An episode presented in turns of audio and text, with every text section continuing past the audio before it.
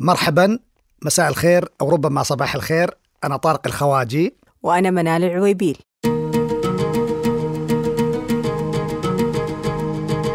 الملحق الثقافي كان يلعب دور محور مهم جدا ومركزي في الصحافة العربية وربما لا أبالغ لما أقول حتى في الصحافة العالمية.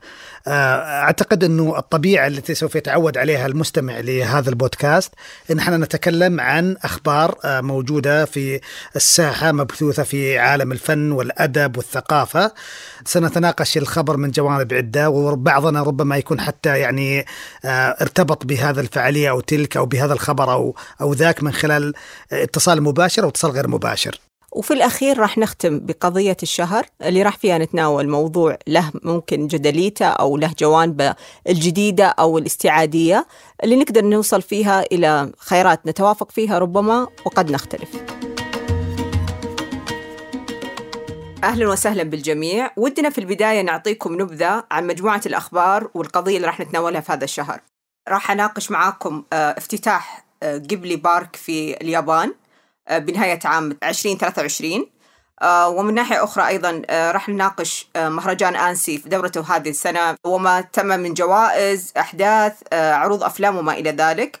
وأخيرا لنا توقف على حفل روائع الموسيقى السعودية الذي تم في نيو مكسيكو في هذا العام أيضا. الأخبار الثلاثة التي سأتحدث عنها أنا هي كالتالي فوز الروائي الهنغاري جوسبودينوف بالبوكر العالمية عام 2023 عن روايته ملجأ الزمن. الخبر الثاني سيكون عن تحويل One Piece الأنمي الشهير والمانجا الشهيرة إلى مسلسل تلفزيوني يبث على منصة نتفليكس. والخبر الثالث وهو خبر صراحة لا أحب دائما أن أكون أتحدث عنه لكن مقابل الحياة دائما هناك موت. سنتحدث هذه المرة عن رحيل الروائي الأمريكي الشهير كورماك مكارثي. قضية الشهر التي سنناقشها هذه المرة ستكون عن موضوع أعتقد أنه ساخن. ما زال هو حديث كثير من التجمعات الثقافية والتجمعات الفكرية اللي هو موضوع نشطاء البيئة ومهاجمة الأعمال الفنية. فكونوا معنا ونبدأ بخبرنا الأول.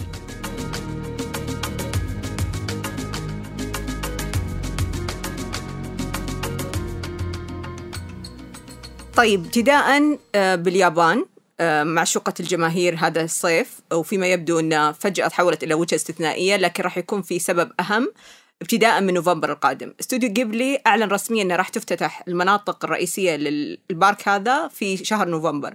هل هي على خطتك هذه السنة طارق؟ أنا صراحة كان يعني عندي فرصة استثنائية رائعة جدا في عام 2007 لما كنت في زيارة اليابان وكنت وقتها أشتغل على كتاب قلعة الأنمي. وكان عندي لقاء مع توشيو سوزوكي اللي هو يعتبر الرئيس الإنتاج في استوديو جيبلي جتني فرصة رائعة جدا إني أزور المتحف الموجود هناك. الجميل الآن إنه المتحف هو جزء بسيط جدا من هذه الحديقة الضخمة جدا اللي موجود فيها مجسمات كبيرة لالات الحرب اللي كانت موجودة في ناوسيكا مثلا القلعة المعلقة في الهواء في لابوتا. كذلك شخصية الذي بلا وجه اللي موجودة في فيلم Spirited Away الذئاب الموجودة في Princess Mononoke وكثير من الأشياء اللي أعتقد أنها لا تتوقف فقط عند هياو ميازاكي وإنما عند كل المخرجين اللي ينتمون لهذا الاستوديو على رأسهم مثلا إيساو تاكاهاتا اللي كان هو زميل مرافق لميازاكي. ف نعم حاجز بشكل رسمي في يناير القادم إن شاء الله في 24 ولذلك رتبت مبكرا لأنه يعني لن تصدقي إنه زيارة الحديقة الجديدة هذه لقبلي تحتاج إلى ستة شهور مثلا للحجز. آه الغريب إنه المعلومات كانت صراحة متضاربة بخصوص الافتتاح يعني لأن فتح التسجيل مبكرا للحجز. بعض الناس يعني ظنوا ان الآن مثلا الحجز قائم إنك تقدر تزور المكان لكن فيما يبدو كان في افتتاح تجريبي لبعض المناطق. لكن الافتتاح مثل ما ذكرنا الرسمي راح يكون ابتداء من نوفمبر وأتمنى أسبقك إن شاء الله. آه للتوضيح اللي بيكون موجود خلال هذه الفترة ثلاث مناطق. اللي هي سموها المستودع الكبير اللي يضم أقرب ما يكون لشكل متحفي لأهم الآلات والأدوات الحربية مثل ما ذكرت قبل. راح يكون من ضمنها صراحة أشياء تحمس. الروبوتات اللي كانت في Castle in the Sky حافلة القط في جاري توتورو أيضا بيكون في منطقة لها طابع حالم لها دخل بالجو العام ل Howl's Moving Castle وأيضا قرية مونونوكي إلى جانب بعض التفاصيل المتعلقة بشخصيات يعني محبوبة مثل ما ذكرت في Spirited Away أيضا في Whispers of the Heart وغيرها أكيد. واحدة من الأشياء المميزة عند استوديو جيبلي وعند المتحف اللي كان موجود سابقا في طوكيو والآن طبعا الحديقة الضخمة أنه في عدد هائل جدا من تصاميم الطائرات. الطائرات اللي تم استخدامها في أعمال ميازاكي وأيضا فيه اللي هو له أمر علاقة ببعض الشخصيات الحيوانات اللي تم ظهورها مثلا في بومبوكو مثلا لساو تاكاهاتا أو غيره من المخرجين. وأعتقد إنه الميزة في هذا المتحف إنه شعورك أنت كزائر. طبعا شوف الجمال الحين أتكلم عن المتحف والحديقة وأنا باقي ما زرت النسخة الجديدة المحسنة أو الموسعه إيوه اللي هو اللي لمعرفتي بالأعمال إنه ما راح تجدين غرابة. لسببين. السبب الأول ما راح تجدين غرابة لأنه أنت متابعة لأعمال قبلي آه، أو المستمعين الكرام متابعين. والأمر الثاني إنه أعمال قبلي عندها هذا الطابع العالمي. فأنت تشعر أنك تنتمي بشكل أو بآخر لكثير من الأشياء الموجودة في هذا المكان. أه، بتجرأ وأسأل سؤال. وش العمل اللي خلاك تقع في غرام ميازاكي و أعمال استوديو. أه، يعني في كثير من الناس عندنا وخاصة بالعالم العربي يعرفون مثلا عمل مهم جدا ميازاكي اشتغل عليه مع تكاتا اللي هو المد الهائل العظيم اللي يسمونه بالياباني كونان فتى المستقبل اللي هو عدنان ولينا. فعدنان ولينا هو المقدمة الأولى لكن العمل خلينا نقول الاساسي هو أظن العمل اللي فتح الباب آه، بشكل كبير جدا لظهور استوديو جيبلي اللي هو وادي الريح آه، نويسكا أو نويشكا. آه، بس للتوضيح لما سبق شاهد الأعمال الاستوديو هي دعوة حقيقية لاكتشاف هذه الأفلام. في عدد كبير منها موجودة على المنصات يعني وتوجد على نتفليكس وغيرها. وهي فرصة للتعرف على هذا العالم بعيون جديدة. يعني هو عالم يخلط بين السريالية بين الواقعية الجديدة فكرة أن الشخصيات تبدو مألوفة حتى لو كانت من عوالم مختلفة ويظهر فيها الجانب الأسطورة وجانب الساحر صراحة لميازاكي اللي هو قدم هذه الروائع على مدى السنين وبانتظار فيلم القادم بإذن الله.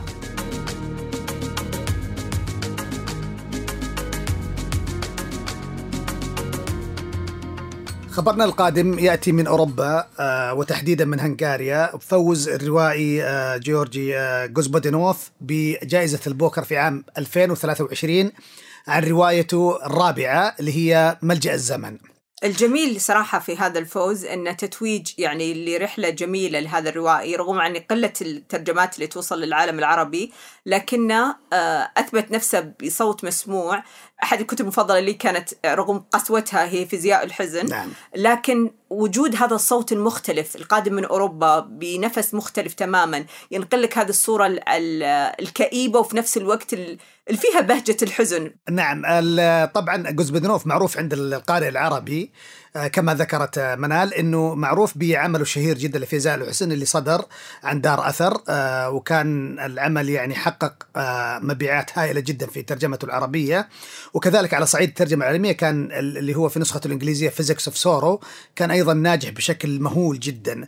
وجوسبودينوف آه، يعني صدم القراء بهذا النسيج الغريب جدا من الواقعية السحرية مع الميثولوجيا الإغريقية مع الفلكلور الهنغاري مع فكرة لماذا هنغاريا تقبع في أول قائمة الدول الأكثر حزنا آه، على مستوى العالم. وفي الدول الأكثر سعادة هي في آخر القائمة فكان يريد أن يجيب على لماذا الهنغاريا حزينة بهذا العمل. المرة هذه عنده عمل أنا أظن يعني منال إنه عمل آه كما اعتدنا على جوزبدنوف هذه الغرابة العجيبة عنده. جوزبدنوف في هذا العمل يتكلم عن راوي يحكي حكاية آه، له هو مع جاستين، جاستين هو الطبيب النفسي المحلل اللي موجود في هذا المكان اللي تتم فيه عملية خلينا نقول مترسه الزمن وبشرح الفكرة. هذا المكان هو عيادة نفسية آه، مصممه في عدد من الأدوار. الأدوار هذه مخصصة لعلاج المرضى. المرضى اللي موجودين محددين تماما مصابين بمرض الزهايمر. آه. فهم يجون في هذه العيادة اللي فيها هذا الطبيب اللي عنده يقول إنه عنده علاج للزهايمر بطريقة مختلفة. خلال كل واحد من هذه الأدوار التي يمر بها مريض محدد يعني بحالة من الزهايمر يذهب إلى منطقة محددة في الزمن ليسترد منها ذكريات ويعالجها. فهو المكان هذا اللي اسمه ملجأ الزمن هذه العيادة هي ملجأ الزمن. ثم يصير تحول عجيب جدا. أنا طبعا لا أفسد شيء على القراء لكن يصير تحول إنه الموضوع لا يصبح فقط مرتبط ب المصابين بالزهايمر وإنما حتى الأصحاء الذين يعتقدون أن هناك مجموعة من الذكريات تستحق بشكل أو بآخر أن تعاش مرة أخرى. أنا صراحة قرأت تعليق لافت للروائية الفرنسية ليلى سليماني اللي هي رئاسة لجنة التحكيم للجائزة آه، بأنها كانت تتكلم إنه الموضوع كأن لا أبعاد حتى بالنسبة لها يعني بوجهة نظرها إنه لا أبعاد حتى السياسية آه، عن أوروبا نفسها، ماذا تريد أوروبا أن تتذكر لتستطيع الصمود اليوم مع الأحداث اللي قاعدة تمر فيها والتغيرات العالمية، إلى جانب إنه ماذا لو كانت الذاكرة هذه اللي إحنا قد نتقاتل يوم من الأيام على استردادها هي السم الذي قد يميتنا ببطء. فكانت تقول أنه برأيها هذه الرواية هي أفضل الجواب الأسئلة الفلسفية اللي ممكن تمر على القارئ.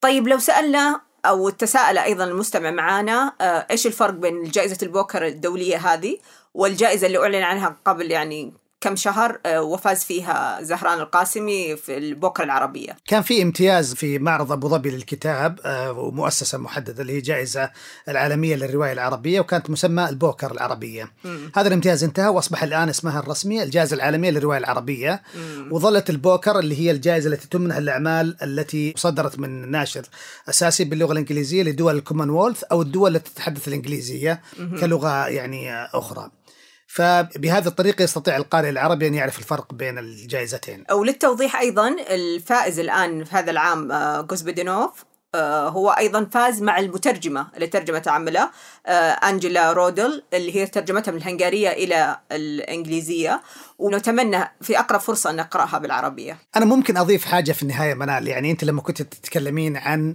آه، سليماني لما كانت تقول ما الذي تريد أن تتذكره أوروبا أو تنساه من من ماضيها وخاصة إنها مرت بها واحدة من افظع الحروب على مر تاريخ البشرية وعدد الذين سقطوا فيها ضحايا يعني هائل جدا. في نص عظيم جدا لسيوران يتكلم فيه عن م. العلاقة بين رومانيا وهنغاريا. وكان يتكلم عن هذه العلاقة اللي يشعر بها الروماني ضد الهنغاري الكراهية هذه اللي سببتها الحروب الطويلة والهجوم هذا وكيف الهنغاريين يشعرون نحو أنفسهم وكذا. وكذلك القومية الهنغارية مقابل القومية الرومانية اللي هو يشعر أنها قومية زائلة أو متضعضعه بينما في المقابل الهنغارية فيها هذا العنفوان الهائل جدا بشكل كبير جدا. جوزبودنوف في عمل الأول فيزياء الحزن كان يتكلم عن هذا الشعور اللي هو ما الذي أريد أن أتذكره من أسلافي لأنه كان في عمل فيزاء الحسن اللي ذكرت جده كانت هي الحاضرة إيه؟ إيه؟ فكان هو ما الذي أريد أن أتذكره من تاريخ جدي وما الذي لا أريد أن أتذكره على الإطلاق أحب قصة الحب التي عاشها مع المرأة المسنة مع ولدها اللي قد يكون هو خاله أو عمه مثلا وكذلك لا يريد أن يتذكر قصة المكان الذي كان الناس إذا دخلوا في هذا القوب تحت الأرض لا يخرجون منه مرة أخرى. مم. فأعتقد إنه صراحة يعني تعليق سليماني عظيم جدا. انه هو فعلا ليس فقط نصا ابداعيا يرتبط بموضوع حساس زي الزهايمر اللي اليوم قاعد يحصد عقول كثير من أحباب الناس. نعرفهم وناس لا نعرفهم حول العالم. ومقابل ذاكرة جمعية نريد أن نتذكرها من تاريخنا أو لا نريد تذكرها آه، أنا بختم برضو بتعليق أو وصف لقيته متردد في أكثر من خبر صحفي عن الجائزة إنها وصفوها بأنها رواية هزلية قاتمة. وهذا الوصف بحد ذاته مشوق للقارئ وأتمنى أنها تصل للقارئ العربي في أقرب وقت.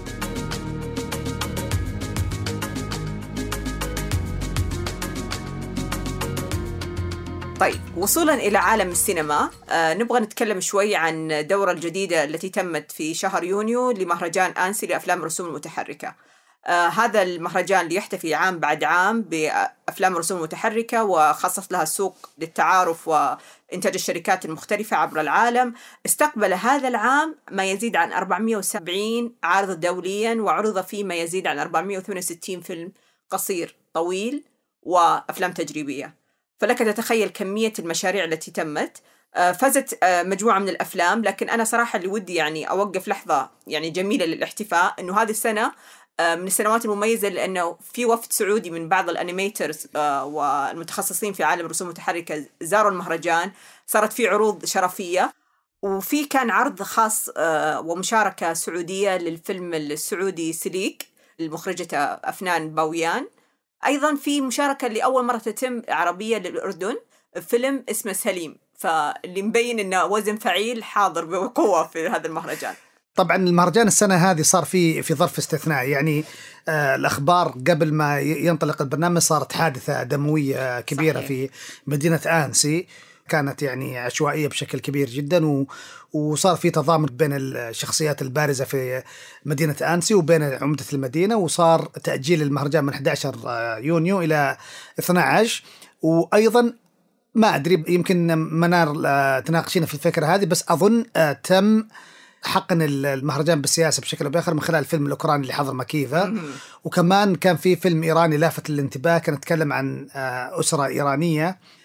كان عندها ظروف بعد حرب الخليج اللي صارت في عام 1991 فتعتقدين ملاحظاتي هذه دقيقة ولا؟ آه هو الحقيقة أشبع الجو لأن كان أيضا اضطرابات فرنسا لها تأثير رغم أن تصاعد الاضطرابات وصل الآن لكن إحنا كان وقتها يعني تشكو فرنسا أيضا من عدد من الإضرابات عدد من المشاكل المتعلقة بالسياسات الداخلية وما إلى ذلك السترات الصفراء فعلا إيه، فللأسف الموجة. كان الجو محتقن بشكل أصلا ابتدائي يعني قبل ما يحدث أي شيء فبالك بعد ما صارت حادثة الهجوم على الأطفال وال يعني العشوائية اللي صارت في المدينة وصولا إلى مثل ما ذكرت. يعني للأمانة أنا مثلا لما تابعت الأخبار يعني في مواقع عربية وأجنبية لقيت مثلا أغلبهم يركزون على فكرة إن الفيلم الأوكراني يشاد فيه واحتفى فيه لأنه صنع في أحد الملاجئ يعني المضادة للقنابل في أوكرانيا.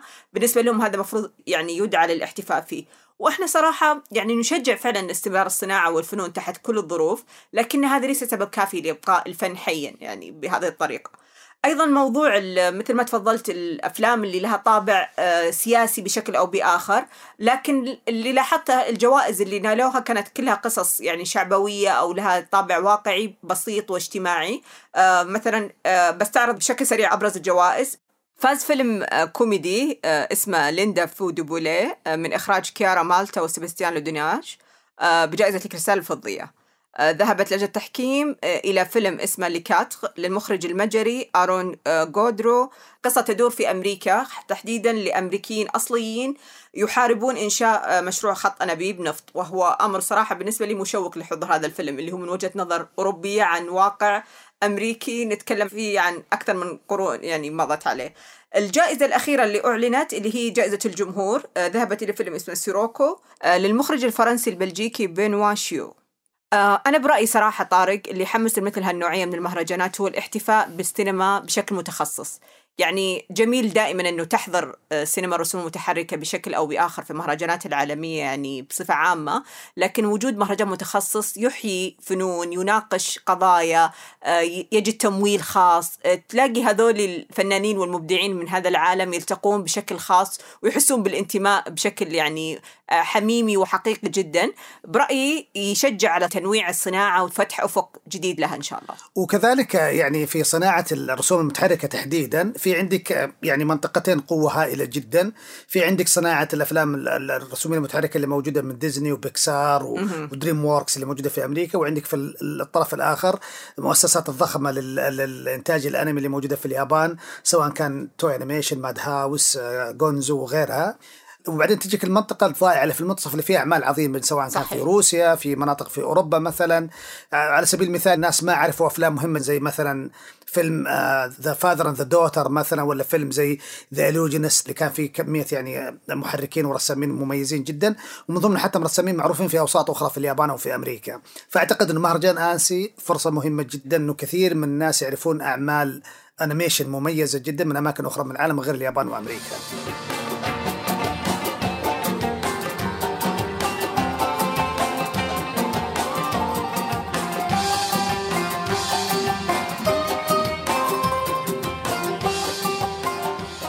أما خبرنا التالي بيتكلم عن آه، روائع الموسيقى السعودية اللي آه، كانت في المسرح الوطني بالمكسيك.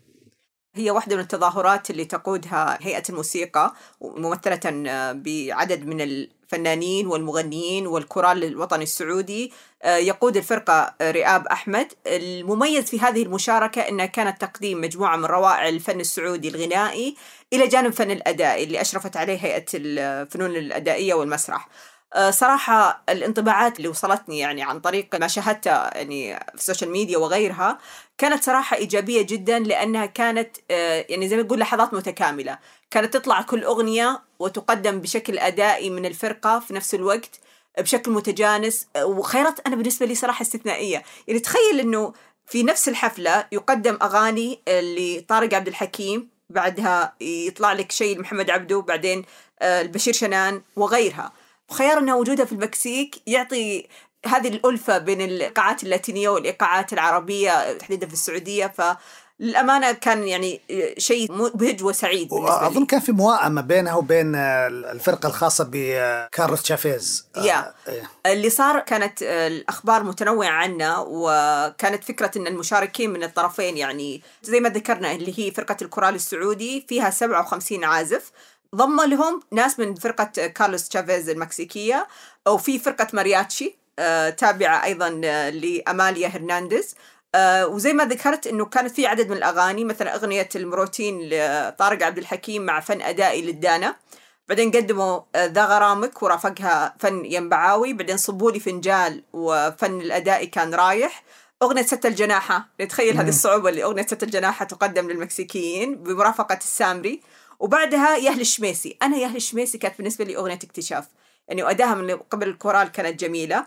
وأيضا في نفس الوقت قدموا معاها فن الخبيتي وأغنية ضامن البرد مع فن الخطوة. المفاجأة الختامية صراحة اللي قدمتها الفرقة السعودية أنه مقدمة أغنية مكسيكية آه، واللغة يعني الأسبانية وكانت يعني أنا ما أدري أنا ما لا أجيد اللغة ما أدري قديش شافوهم الجمهور المكسيكي إنها مجادة. لكن ردة الفعل والتصفيق اللي حظى فيه يعني فريق الكورال كانت جدا رائع. وأتوقع أنها هذه بتكون واحدة من النجاحات اللي بتحققها هذه السلسلة من شركات الأوركسترا عبر العالم. أعتقد أنه نموذج ناجح جدا لقدرة هيئتين مثل هيئة الموسيقى وهيئة المسرح والفنون الأدائية على التعاون بينهم لتقديم هذه المشاريع. يعني إحنا مثلا في خبر سابق تكلمنا عن التعاون اللي صار بين وزارة التعليم ووزارة الثقافة في آه، مسابقة المهارات الثقافية والآن تشوفين تعاون آخر بين هيئتين تنتمي ربما إلى وزارة واحدة لكن دلالة أيضا على القدرة الرائعة جدا لهذه المؤسسات المختلفة لكن أيضا القادرة على توحيد جهودها بشكل كبير جدا في تقديم عمل ثقافي أعتقد إنه يثير الانتباه ويلفت الانتباه إلى الثقافة السعودية. وبصراحة كانت الرعاية على اعلى مستوى يعني حضر ممثلين للوزيرين من جهتين وزراء الثقافة، أيضا حضر السفير السعودي، حضرت بعض الجهات الأكاديمية والثقافية في المكسيك إلى جانب الجمهور العام، وهذا بالنسبة لنا يعتبر صراحة واحد من الانتصارات يعني القوة الناعمة السعودية إنها تحضر حول العالم بشكل فني جميل.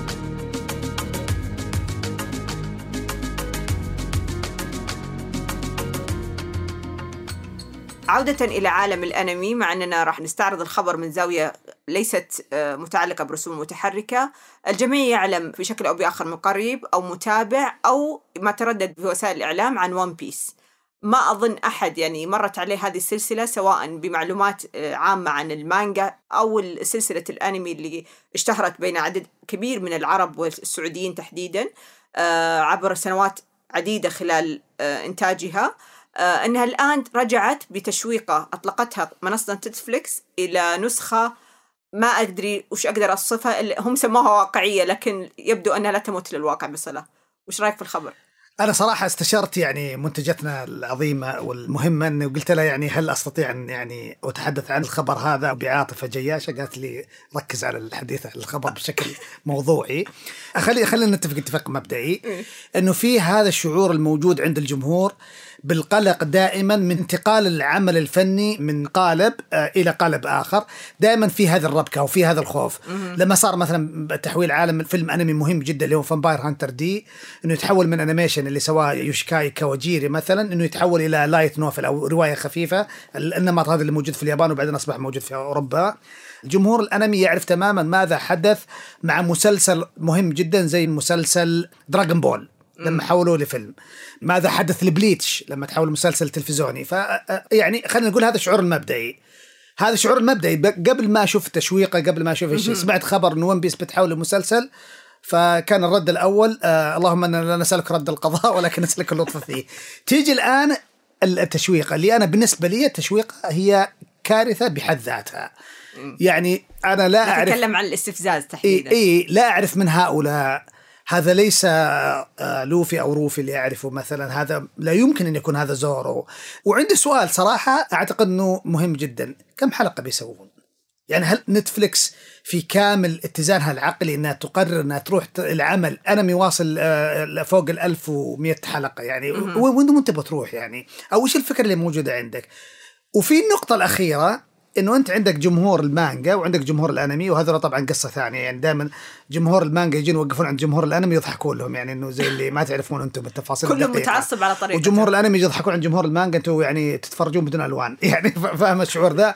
بعدين يطلع جمهور نتفلكس اللي أنا ما أدري كيف بيتعاملوا معهم الطرفين ذولا. يعني في أسئلة كثيرة عن إفلاس المحتوى. بمعنى أنه هل هي فقط قضية حلب هذا النجاح الأسطوري مثل هذه الأعمال ليش مثلا ما يتم المغامرة بأعمال لم يتم نشرها قبل؟ يعني ليش مثلا منصة بضخامة نتفليكس أني أتكى على عمل من هالنوع؟ حاولت أني أتابع على ال social media تحديدا لأني كنت أبغى المحبين لهذه السلسلة تحديدا إيش رأيهم؟ الكل كان عنده تحفز وغضب شديد على التشويقة اللي نزلت من ناحية حتى التفاصيل اللي يعني ذكرتها أنت قبل شوي اللي هي لها دخل مثلا من هؤلاء ليش اختيروا آه، ناس بسحن تبدو عربية؟ ما الفائدة من وجود الموضوع كله باللغة الإنجليزية حتى لو كان الهدف الانتشار؟ يعني هو إحنا نعرف مثلا إنتاجات محلية عبر العالم لنتفليكس فلماذا اختيرت اللغة الإنجليزية؟ وإرضاوة أو محاولة استعطاف الناس لعدم الغضب اللي اكتشفنا إنه أعلن الفريق المدبلجين ال- اليابانيين إنهم راح يكون في دبلجة يابانية بأصواتهم الأصلية. يعني أنا بعمل عمل وبعدين أدبلجة للغة الأم. هذا بحد ذاته كارثي. أه، أنا والله ما أخفيك. يعني أول ما سمعت الخبر أه، قلت يعني ما ما أدري. يعني أعتبرنا مغامرة غير محسوبة العواقب. بعدين في شيء مرة مثير للاهتمام. لقيت مجموعة من شباب سعوديين أه، وخلني أقول مشاهدين يعني مشاهدين أنمي. والشباب ذولا مت... يقولون يا جماعة اصبروا لا تستعجلوا في الحكم على العمل وكذا. فنقول لهم يا جماعة الخير يعني انت فكر في ال concept وضخامه القصة تعدد الشخصيات الهائل كم تدفع نتفلكس عشان تجمع كل هذول الشخصيات اللي موجودين في ون بيس الصراحة أول ما أرسل لي واحد من الأصدقاء التشويقة أنا في البداية ما كنت أحسب أنه عمل رسمي أنا كنت أحسبه اللي يسمونه ال- ال concept إيه إيه. الناس مسوين concept إذا يمكن يلتقطوا تخيلوا العالم. تلتقطوا واحد من الشبكات أو أنه لا شباب متحمسين سووا ال concept هذا ليه؟ لأنه كان كل اللي موجود في التشويقة هذه ينتمي إلى الحلقة الأولى بعدين جت كارثة الأشكال اللي موجودة اللي صراحة ما أظنها تنتمي إلى الأشكال اللي تقدم لك بهجة. يعني أنا أعتقد شخصيا هذا رأيي أنا طارق يعني مش رأي أحد ثاني إنه في بهجة في شخصيات ون بيس أعتقد إنه مستحيل مستحيل أن تكون موجودة في العالم الفيزيائي بشكل حقيقي. أكذب عليك إذا قلت لك دعينا نتفائل ونقول كذا لا أنا أعتقد إنه سيكون عمل مخيب الامال وأتمنى أتمنى أمنية انه يكون فعليا عمل على الأقل مخيب الامال بشكل يعني معقول. طيب آه، بصراحة بتشوفه؟ لا لا لا أظن ابدا. يعني أنا أظن اني استمر بمتابعة ون بيس في حالته الموجودة فيها اللي هي متابعة المانجا ومتابعة الأنمي ولا أظن يعني سأضع وقت لمتابعة هذا العمل. آه إذا سأعطي وقت لمسلسل آه، حي أتابعه ساعطي له مسلسلات جديدة يعني. طيب في ناس يمكن يميلون لنوع التسويق بالاستفزاز فإذا أنتم تحمستوا من النقاش اللي دار قبل شوي آه بس نبغى نقول لكم أنه في نهاية شهر أغسطس راح تنزل آه هذه الحلقات عبر منصة نتفليكس. وربما يعني يصير لنا فرصة ن- نقيس ردود الأفعال اللي صارت عليها وقتها. وإن شاء الله يعني تكون الأرقام المشاهدات منخفضة بحد إنه يعني نتفلكس يقرر إنه يتوقف عن دعم هذه خلينا نقول المسخية. اللي بتصدر عن ون بيس أظن نحتاج جهاز يعني ضغط الدم آه نشوف ضغط طارق وين وصل وبعدين نرجع لكم للخبر اللي بعده.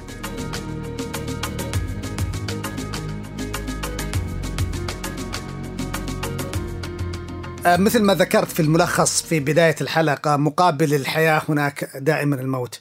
رحل آه، واحد من أهم الروائيين المعاصرين الروائي الأمريكي كورماك مكارثي اللي يعرفه الجمهور العربي آه، من خلال أعمال مهمة جدا مثل آه، حمرة الغسق عند الغرب أو خط الدم Blood Meridian ويعرفونه أيضا من عمل ترجم اللي هو لا بلد للمسنين. والترجمه الكويتية اللي صدرت لرواية الطريق. مكارثي معروف عند جمهور السينما من واحد من أعماله اللي تم اقتباسها لعمل عظيم جدا No Country for Old Men أو لا بلد المسنين اللي يشتهر بأنه فيه واحد من أسوأ قصات الشعر في تاريخ السينما اللي خافيير بارديم يعني قصه وهذا ممنوع أنه ياخذ عليها أوسكار. وياخذ عليه أوسكار آه، من آه، إخراج الأخوين كوين. آه، وأيضا الفيلم العظيم اللي هو The Road اللي يتكلم عن قصة الأب وابنه بعد القنبلة النووية ووجود الشتاء النووي والمجاعة اللي صارت في الأرض. وكورماك مكارثي أيضا آه، كتب سيناريو لفيلم آه، فشل فشل ذريع جدا اللي هو The Constant Gardener وبعدين نشره كرواية ونجحت. فاثبت إي أثبت هذا الأمر انه كورماك مكارثي يعتبر كروائي عظيم جدا، كورماك مكارثي له صفات أظن يمكن ملاحظتها منال بشكل كبير جدا في رواياته، يعني هو هو فعلا شخص منعزل هو فعلا شخص ينتمي إلى الطبيعة أكثر من انتمائه إلى المجتمع المدني والمدينة خلينا نقول الممتلئه بالمباني والناس والاشياء هذه ف وهذا أعطى أعتقد بشكل كبير جدا جزء من الوحشية الموجودة في أعماله. آه لي يعني ذكر آه في الخبر أنه توفي وفاة طبيعية عن عمر التسعين ونتمنى أنه قضى يعني أعواما جميلة وانتهت حياته على أحداث كما تمناها يعني بعيدا عن الروايات اللي اشتهرت بالتعرض إلى نوع من أنواع التصوير الحياة العنيفة للغرب الأمريكي تحديدا ومثل ما ذكرنا بالذات يعني اللي ما قرأوا الرواية يتذكرون الفيلم وكيف كان عالمه غرائبي وعنيف جدا. آه أيضا يعني إحنا نتكلم عن روائي عاصر حقب مختلفة. نتكلم أنه أول رواياته تقريبا نشرت في عام 1965 يعني حقب مختلفة ومع ذلك كانت نجاحاتها يعني فيها تواتر جدير بالالتفات يعني يعتبر لذلك يمكن من أحد أنجح الكتاب الأمريكيين وأعظمهم. رغم أن هذه الرحلة الطويلة يعني نتكلم عن إنتاج بدأ من الستينات إلى أنه لم يتجاوز تقريبا 12 رواية وهذا يعني أيضا في نفس الوقت إنه كان في تركيز وفي رغبة جادة حفر اسمه بشكل آه يعني مميز. آه أبغى بس أقول نقطة عن فكرة ثنائية الموت والحياة اللي ذكرتها طارق. إحنا صراحة كنا دائما نتساءل هل يجدي تناول مواضيع حزينة من هذا النوع لكن دائما نبغى نذكركم إنها خيار آه للمستمع إنه بقدر الإمكان يبحث وراء هذول القمم اللي غادروا حياتنا الفيزيائية وهم راح يكونوا ظلين بإنتاجاتهم في حياتنا الأثيرية إذا نقدر نقول. فبناء عليه يعني هي دعوة حقيقية لمتابعة أعمال اللي باللغة العربية ومزيد من الترجمات بإذن الله. إي نعم يعني أنا أتمنى يعني دور النشر تنتبه أيضا أنه في أعمال مهمة جدا لكورماك مكارثي ما ترجمت العربية ومن عمله الأهم اللي هو Suttree اللي حقق نجاح هائل جدا في لغته الإنجليزية أو ترجماته اللي صدرت في أكثر من لغة في العالم. والعمل مبكر يعني من 1979 يعني مم. Suttree فأعتقد أنه يعني هذه فرصة سانحة جدا لكثيرين من المترجمين وأيضا لدور النشر العربية أن تنتبه لهذا الروائي ذو القامة الطويلة.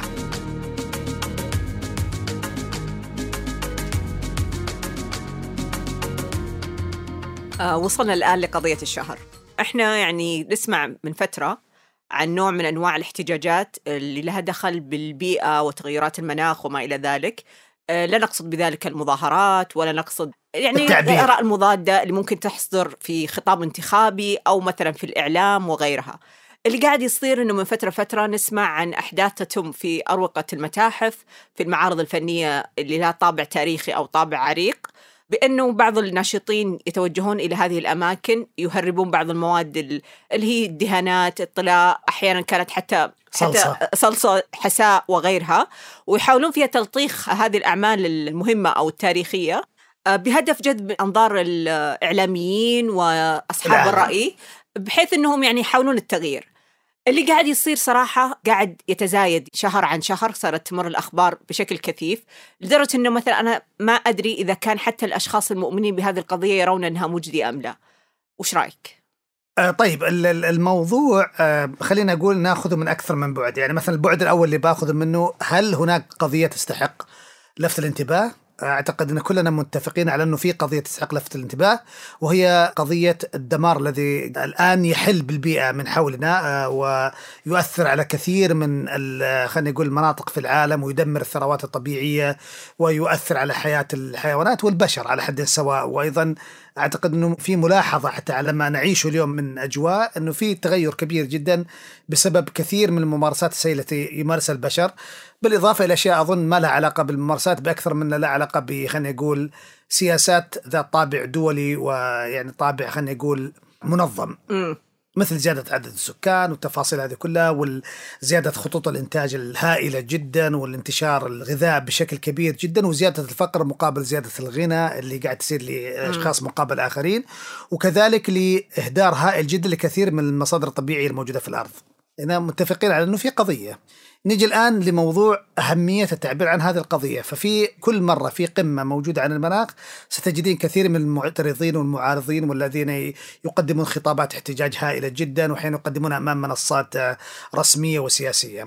بعدين يجي عندك التحول الأخير من خلال مهاجمة عمل فني أو من خلال تغرية الأيدي أو يعني وضعها في مكان يخلي الناس يجدون صعوبة جدا في إخراجك من هذا المكان الا بعد قضاء وقت. في هذا الوقت اللي يقضون فيه حتى يخرجوك من هذا المكان لأن يدك يعني ملتصقة بغراب الجدار. فحتى ينتهي هذا الموضوع فتظل انت تعبر عن القضية هذه.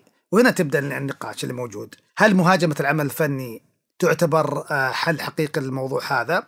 أنا أعتقد بشكل أو بآخر أنه قضية المناخ قضية كبيرة جدا وأنه هذه الأفعال لا تصل حتى مرحلة الحجر الذي يرمى في البحيرة الراكدة. يعني لا يؤثر على المطلق فيما يقوم به ممارسته السياسيين لكن هو أنا هو أنا تعبير عن قضية. أنا أتفق معك وأختلف في بعض النقاط. المفارقات اللي مرت علي لما تبعت هذه يعني النوعية من الأخبار إن كثيرين يشوفون إن أصلا نوع التعبير هذا آه، هو الهدف منه ليس الإساءة لهذه الفنون بقدر ما هو الجذب الإعلامي وجذب صناع القرار لأنهم يعني يدعون إن كل ما تم تخريبه هو لم يمس بشكل من الأشكال يعني دائما كان في زجاج حاجز دائما كان في آه، طبقة عازلة أو تكون نسخة أصلا من العمل الأصلي ولم تتلف الأصلية إلى جانب أصلا في تساؤل كان كبير إنه ربما هو يعني نوع من المشاركة الضمنية من المتاحف هذه والجاليريات لأن ما تشوف تشديد على الزوار. يعني كلنا مثلا هذه الفترة بشكل أو بآخر زرنا آه، يعني متاحف حول العالم وأنا أتساءل حتى بصوت عالي للجمهور اللي يستمع إلينا الآن. ما أشوف مثلا إجراءات آه، لها طابع أكثر تشددا. يعني التفتيش العادي الشنط تمر في الجهاز. لكن مثلا ما قالوا أنه صاروا يتصيدون أنه حتى مثلا النساء أنهم ما يدخلون بأي نوع من أنواع المكياج. بمعنى أنه في أحيانا يقول لك هو نوع من الترويج للفن بشكل أو بآخر لأنه ما اختاروا هذه الأعمال إلا أنها مهمة. يعني إحنا نتكلم عن مثلا آخر خبر وصل إلينا من ناحية مثلا أنه حاولوا يعني تخريب لوحة مونيه اللي هي حدائق آه، وكان رأيهم أن هي صرخة في ناحية أنه هذه الحدائق اللي صورها من الأيام بونيه هي ستكون من التاريخ في يوم من الأيام لأن نسبة التلوث ونسبة والإحتباس الحراري وما يفعله بالحدائق والطبيعة وما إلى ذلك.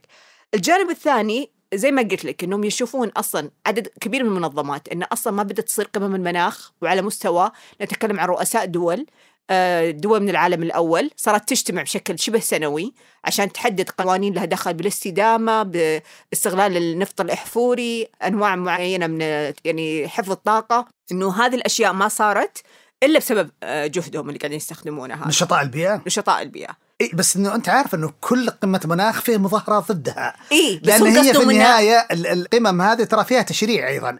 يعني مثلا الوقود الاحفوري تم تشريعه من خلال قمم المناخ. مم. فأنا أقصد إنه يعني ما لم يكن النشطاء البيئة أذكياء للحد اللي يجعلهم عندهم قدرة على أنهم يبنون آه خليني أقول تكتل قوي جدا يصل لمرحلة مواجهة السياسي يعني أقصد أنه يصبح عندهم قدرة على الدخول إلى الكتل السياسية وإضافة تشريعات. في أوروبا مثلا الآن قاعدين نلاحظ أنه في صعود هائل جدا لليمين. في فرنسا على سبيل المثال إيطاليا الآن مثلا خلاص يعني بشكل شبه يعني مؤكد لأنها دولة يمينية. كان نعودنا مرة أخرى إلى حقبة سابقة جدا تاريخيا.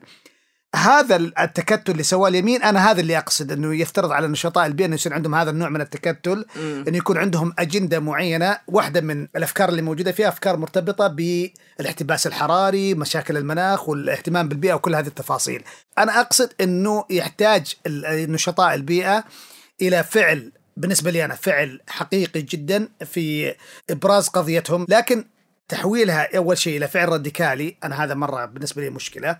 يعني أنت تروح تهاجم ناس ما لهم علاقة. أنا بقول لك صراحة رأيي. أنا مع إني أتفق في جوانب كبيرة يعني وكثيرة من ناحية مثلا إنه هل يفيد هذا العمل أو لا. أنا بالنسبة لي إنه هو شكل من أشكال التعبير لكن يمكن الفائدة منه بالنسبة لي ممكن ما تكون كبيرة جدا بقدر ما هي الضوضاء التي قد تخلق رد فعل. بمعنى أن تعرف لما في لحظة من اللحظات تقول لك أنه أما منكم رجل راشد حكيم يعني يسمع الهذولي اللي قاعدين يقولون لك عن مستقبل الأرض وما يحدث للكوكب هذا. لأن يعني أنت مثل ما ذكرت في أجندات ترتبط بالسياسة بشكل كبير. يعني مثلا تتذكر الجور يعني هو أول مرة سمعنا كلمة الاحتباس الحراري كانت عبر فيلم الوثائق اللي قدمه في الانتخابات الأمريكية سابقة. كلنا توقعنا لأن هذا الشخص اللي قادم من المستقبل كأنه بينصح الكوكب كله بحلول بديلة. آه، ما كانت الأجندة مغرية لليمين ولا اليسار. يعني حتى الحزب الديمقراطي اللي هو ينتمي له ما كان في دعم كبير جدا لحملته وشافوه أنه ما يخدم أجندتهم بشكل كبير. مو معناته إني أقول لك إنه هو فاشل لكن أقصد إنه هو موضوع غير مغري للسياسيين. السياسي أنا تحفظي على تشبيهها بالفانديليه هي فكرتها إنه تدمير إيه لا لا لا. تدمير أساس- الفن لأسباب تخريبية بحتة. لا لا أنا يعني في الفانديليه ولا الأناركية وهذه اتهامات أنا وجهة نظري الشخصية.